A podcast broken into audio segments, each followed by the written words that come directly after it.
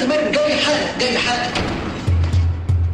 إنها ساندريلا الممثلة والمغنية الأشهر في عالم السينما المصرية. سحرت القلوب والأعين بتمثيلها ورقصاتها المشهورة. خلاص يا نادي. أنا قررت إنك أنت هتعملي دورين. دور الطفلة ودور الشابه يعني يا كوكو لو كنت سمعت كلامي من الأول مش كنت ريحت نفسك؟ على كل حال أنا جاية لك حالا عشان أطلع وادي العربون مقدمة. فكانت بطلة لأكثر من تسعين فيلم مصري. أربعة منهم تم تصويرهم خارج مصر ووقفت أمام عمالقة العالم العربي. الدنيا ربيع والجو بديع قفل لي على كل المواضيع. قفل قفل قفل قفل. وتزوجت من خمس رجال كان أشهرهم العندليب الأسمر. وتحدت الجهاز الأمني الأقوى في الوطن العربي كما أشيع عنها لتثار الإشاعات والأقاويل حول موتها. فقد ماتت في لندن ودفنت في مصر وخاف الجميع من جثمانها. فمن هي ساندريلا السينما المصرية؟ وكيف ماتت؟ ولما ذكر اسم الرئيس الراحل معمر القذافي في ملابسات موتها؟ والأهم من هو موافي. حبك كن في عينيا أجمل عالم من حواليا حبك خلاني حبك خلاني أيوة بيوم العيد. أنا عبد العزيز الخمعلي وأقدم لكم ضد مجهول وإلى الحكاية. سعاد محمد كمال حسني ممثلة مصرية من أب سوري وأم مصرية ولدت في السادس والعشرين من كانون الثاني عام 1943 في حي بولاق الذي يعتبر من أعرق أحياء مدينة القاهرة المصرية. وعاشت ضمن منزل كبير مع إخوتها الذين بلغ عددهم ستة عشر ولد وبنت. فكان ترتيبها العاشرة من حيث العمر إلا أن المشاكل التي دارت بين أمها وأباها أدت لانفصالهما وهي في الخامسة من عمرها لتعيش مع أمها وتمر بظروف حياة قاسية. منعتها من الدراسة والتعليم ضمن المدارس النظامية إلا أنها أكملت تعليمها ضمن المنزل على يد والدتها وقريبة لها. وتنتمي سعاد حسني لعائلة عريقة مشهورة بمواهبها الفنية. فوالدها محمد كمال حسني البابا خطاط عربي شهير انتقل من سوريا لمصر عام 1912 ليتم تعيينه كخطاط في المعهد الملكي للخط العربي في مصر. أما جدها فهو المغني حسني البابا والذي امتلك شهرة واسعة في سوريا. وأكمل مشواره الفني في مصر لتمشي أختها الصغيرة أيضا على خطى جدها وتحقق شهرة ضاهت شهرة أختها وجدها معا فهي المغنية نجاة الصغيرة التي وقفت بين الكبار يوما.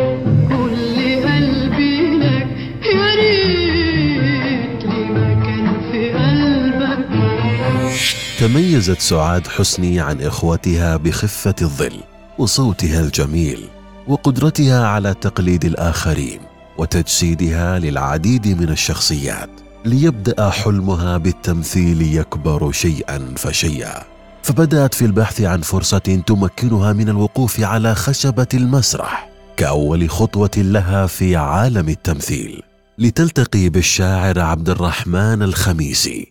الذي أشركها في مسرحية هاملت بدور أوفيليا ولقيت ترحيبا كبيرا من قبل الجمهور ورواد عالم الفن لتكون هذه المسرحية تذكرتها للدخول إلى عالم الفن والسينما. وفي عام 1959 ظهرت سعاد حسني بأول أفلامها في فيلم حسن ونعيمة. يا أستاذ يا أستاذ لقيتها. لك المعجزة البنت اللي بتدور عليها. هي فين؟ في الاستوديو.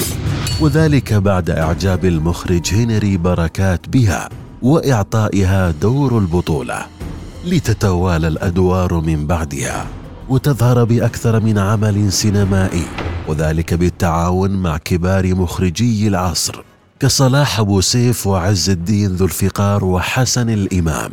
وتتشارك أدوار البطولة مع فرسان ذلك العصر.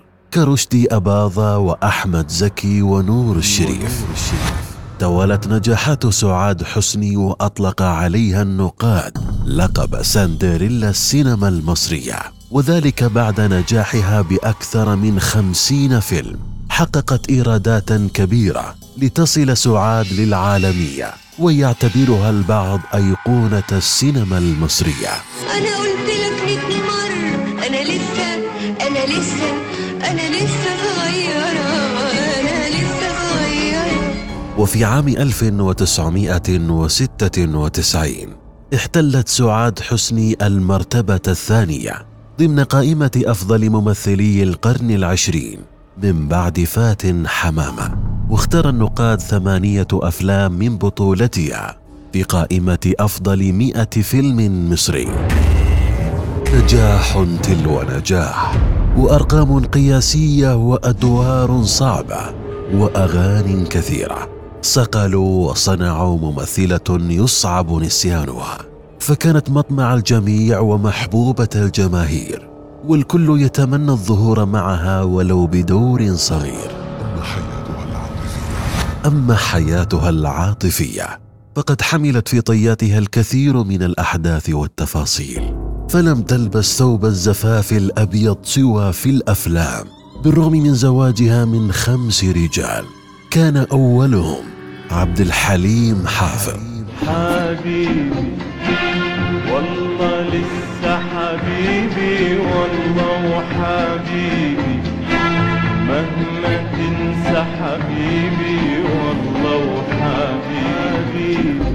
الا أن ارتباطها به بقي سرا لمدة خمس سنوات ولم يتم إشهار هذا الزواج ابدا حتى بعد وفاتها.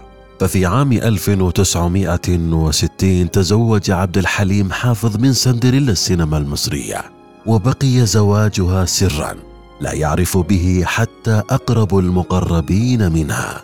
وبقي هذا الزواج محط جدل حتى يومنا هذا. ففريق ينكر وفريق يؤكد لتحسم أختها غير الشقيقه الأمر وتؤكد بأن أختها كانت على علاقة بالعندليب وقد تزوجوا زواجا عرفيا ونشرت وثيقة الزواج التي تؤكد ذلك.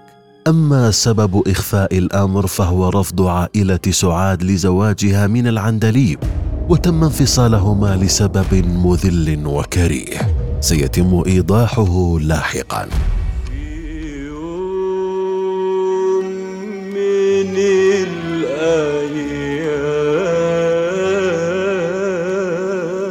الأيام ويا ريت ما حب أسود حبايبي مغلباني.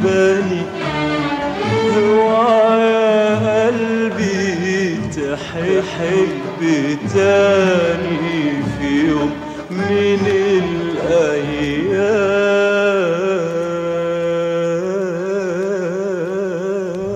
بعد انفصال سعاد حسني عن عبد الحليم حافظ تزوجت من المصور والمخرج صلاح كريم ودام زواجهما لمدة سنتين فقط وذلك لكثرة المشاكل بينهما لترتبط من بعدها بعلي بدر خان.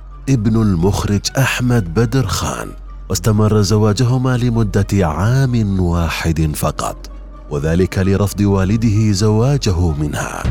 أما الزوج الرابع فقد كان زكي فطين عبد الوهاب ابن المطربه ليلى مراد إلا أنها انفصلت عنه بعد أشهر ولنفس السبب السابق وذلك لرفض العائلة أن يتزوج ابنهم منها.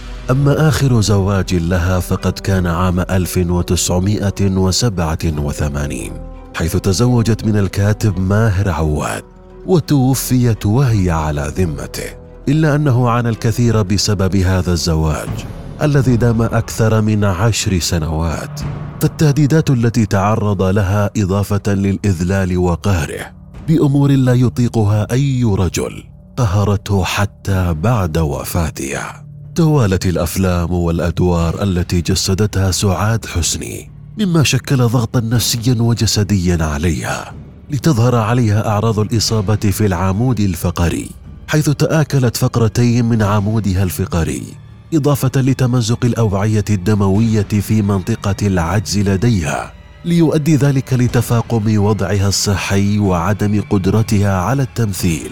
لتضطر للسفر إلى فرنسا لتلقي العلاج وذلك عام 1992 وخضعت لعملية جراحية معقدة مكنتها من العودة لمصر ومتابعة مشوارها الفني. ما هي إلا سنوات قليلة حتى عادت الأوجاع والآلام لجسد سعاد حيث أصيبت بالتهاب فيروسي في العصب السابع وأصيبت بشلل جزئي في الوجه. لتخضع لجلسات علاجية بالكورتوزين مما سبب لها زيادة في الوزن وأثر على حالتها النفسية بشكل كبير. لتقرر السفر إلى لندن وتبدأ بجلسات علاجية استمرت عدة سنوات. وخلال إقامة سعاد حسني في لندن قامت بإجراء ثمانية وعشرين عملية تجميل في أسنانها. إضافة لأنها فقدت 18 كيلوغرام من وزنها.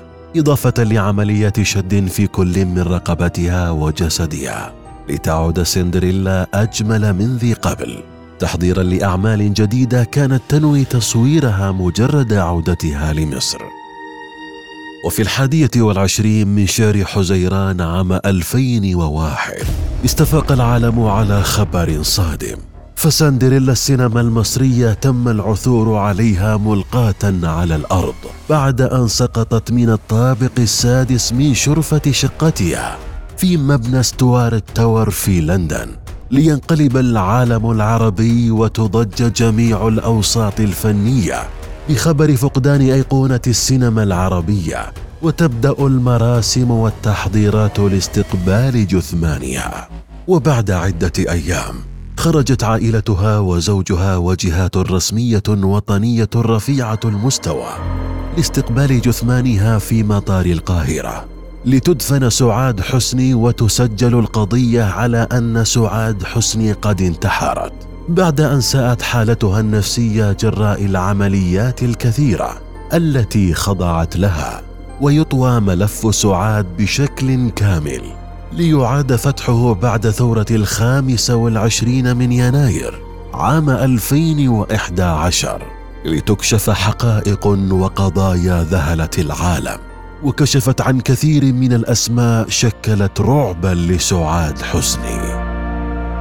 دائما ما كانت تظهر سعاد حسني في أفلامها بشخصية الفتاة المدللة والمحبة لتكون بجمال وجاذبية ساندريلا بالفعل. فعلى الشاشة ظهرت بأبهى حلة وضحكاتها ورقصاتها إن دلت تدل على أنها كانت بقمة السعادة والفرح إلا أن الحقيقة كانت مختلفة تماما. فكما تعذبت سندريلا مع زوجة أبيها المتغطرسة كانت هناك العديد من الأيادي الخفية تعذب سندريلا السينما المصرية وتجعل من حياتها جحيم مقيم. ففي عام 1963 قام رئيس جهاز المخابرات المصري آنذاك والذي يدعى صلاح نصر بتشكيل غرفة عمليات خاصة تتألف من عدة أفراد سميت بالمجموعة 98 والتي تكلفت بمهمة سرية تدعى بعملية السيطرة أو الكنترول ولم يعلم حتى رئيس الجمهورية بتشكيل هذه الفرقة. وكانت هذه المجموعة تعمل تحت إمرة المدعو محمد صفوة الشريف واسمه الحركي موافي. وكان الهدف من عمليات السيطرة تجنيد النساء وبائعات الهوى وإرغامهن على الإيقاع بشخصيات بارزة وعامة عربية ومصرية وإقامة علاقة معهم في شقة استأجرها فريق السيطرة تحتوي على العديد من الكاميرات المخفية. بهدف تصوير الشخصيات العامة الدبلوماسية وابتزازهم بهذه الفيديوهات المسجلة والتحكم بهم وتجنيدهم لصالح جهاز الاستخبارات المصري. بدأت المجموعة 98 بتجنيد الفتيات تجهيزا للمرحلة التالية وتم استئجار شقتين بنفس الطابق في حي مصر الجديدة بالقاهرة فتم تجهيز الشقة الأولى بهدف تصوير الضحية. أما الشقة الثانية تهدف لإدارة العملية ومراقبة عملية التصوير وقد اقترح موافي على فريقه أن يتم تجنيد عدد من الممثلات بكونهن ذوات شهرة وقادرات على الإيقاع بأي شخصية دبلوماسية فأي ضعيف نفس سيتمنى لمس يد فاتنة السينما المصرية آنذاك. ليقع الاختيار الأول على سعاد حسني. هي مش عايزة عيل. وبابا برضه هروح بابا التي تم الإيقاع بها بحيلة رخيصة مع بداية شهر حزيران عام 1963 تم تجنيد أحد أفراد هذه المجموعة ليتظاهر بأنه فرنسي الأصل يعمل كمترجم في السفارة المصرية الفرنسية ويتصل بسعاد حسني ويبدأ بالتودد لها ليتمكن أخيرا بعد مدة ليست بقليلة بالإيقاع بها. ودعوتها للشقة ويقيم معها علاقة جنسية. وسهلا. تم تصويرها بشكل كامل كأنه فيلم سينمائي ولمدة تجاوزت العشرين دقيقة. هو عامل إيه؟ ليقتحم فريق العمليات الشقة عليهم ويتم القبض عليها وابتزازها وتهديدها بالفضح. ونشر هذه المقاطع إن لم تعمل لصالحهم. لتوافق سعاد ويبدأ الكابوس يعم حياتها منذ هذه اللحظة.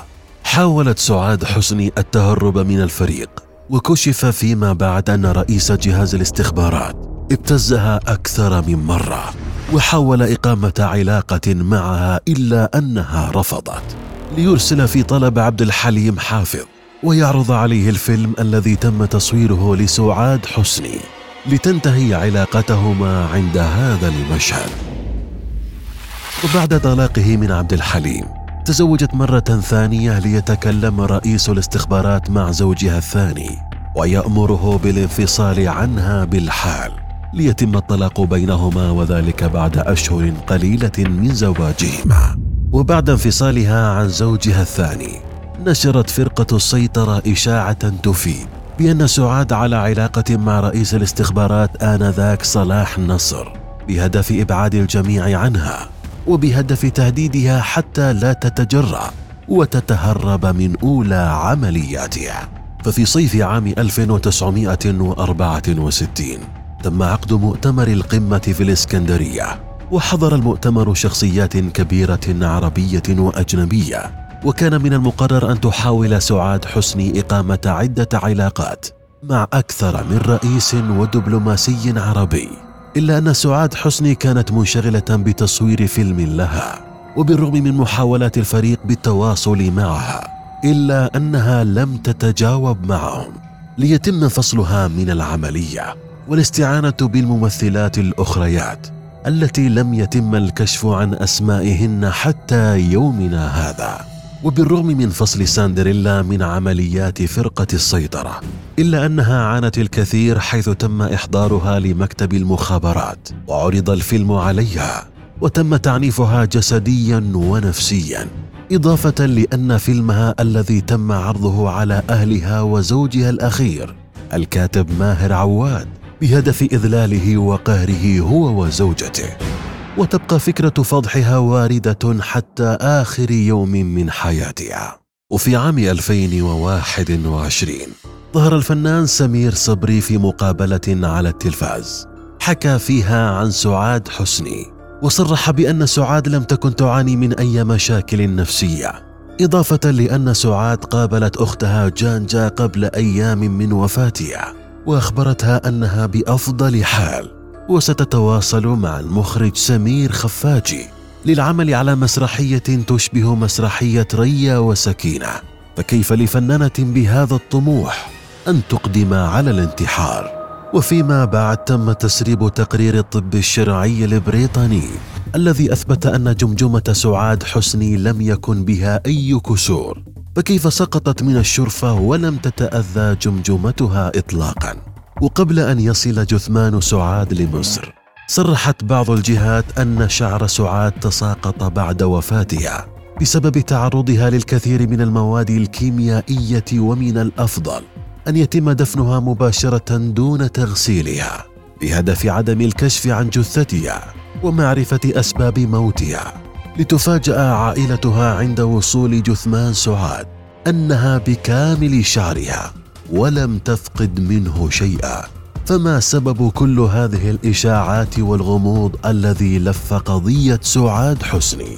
وبالرغم من فضح عمليات فريق عمليات السيطرة وتحويلهم للتحقيق ومعاقبتهم إلا أنه لم يتوافر أي دليل يثبت أنهم من كانوا وراء موت سعاد حسني بعد أكثر من ثلاثين عاما.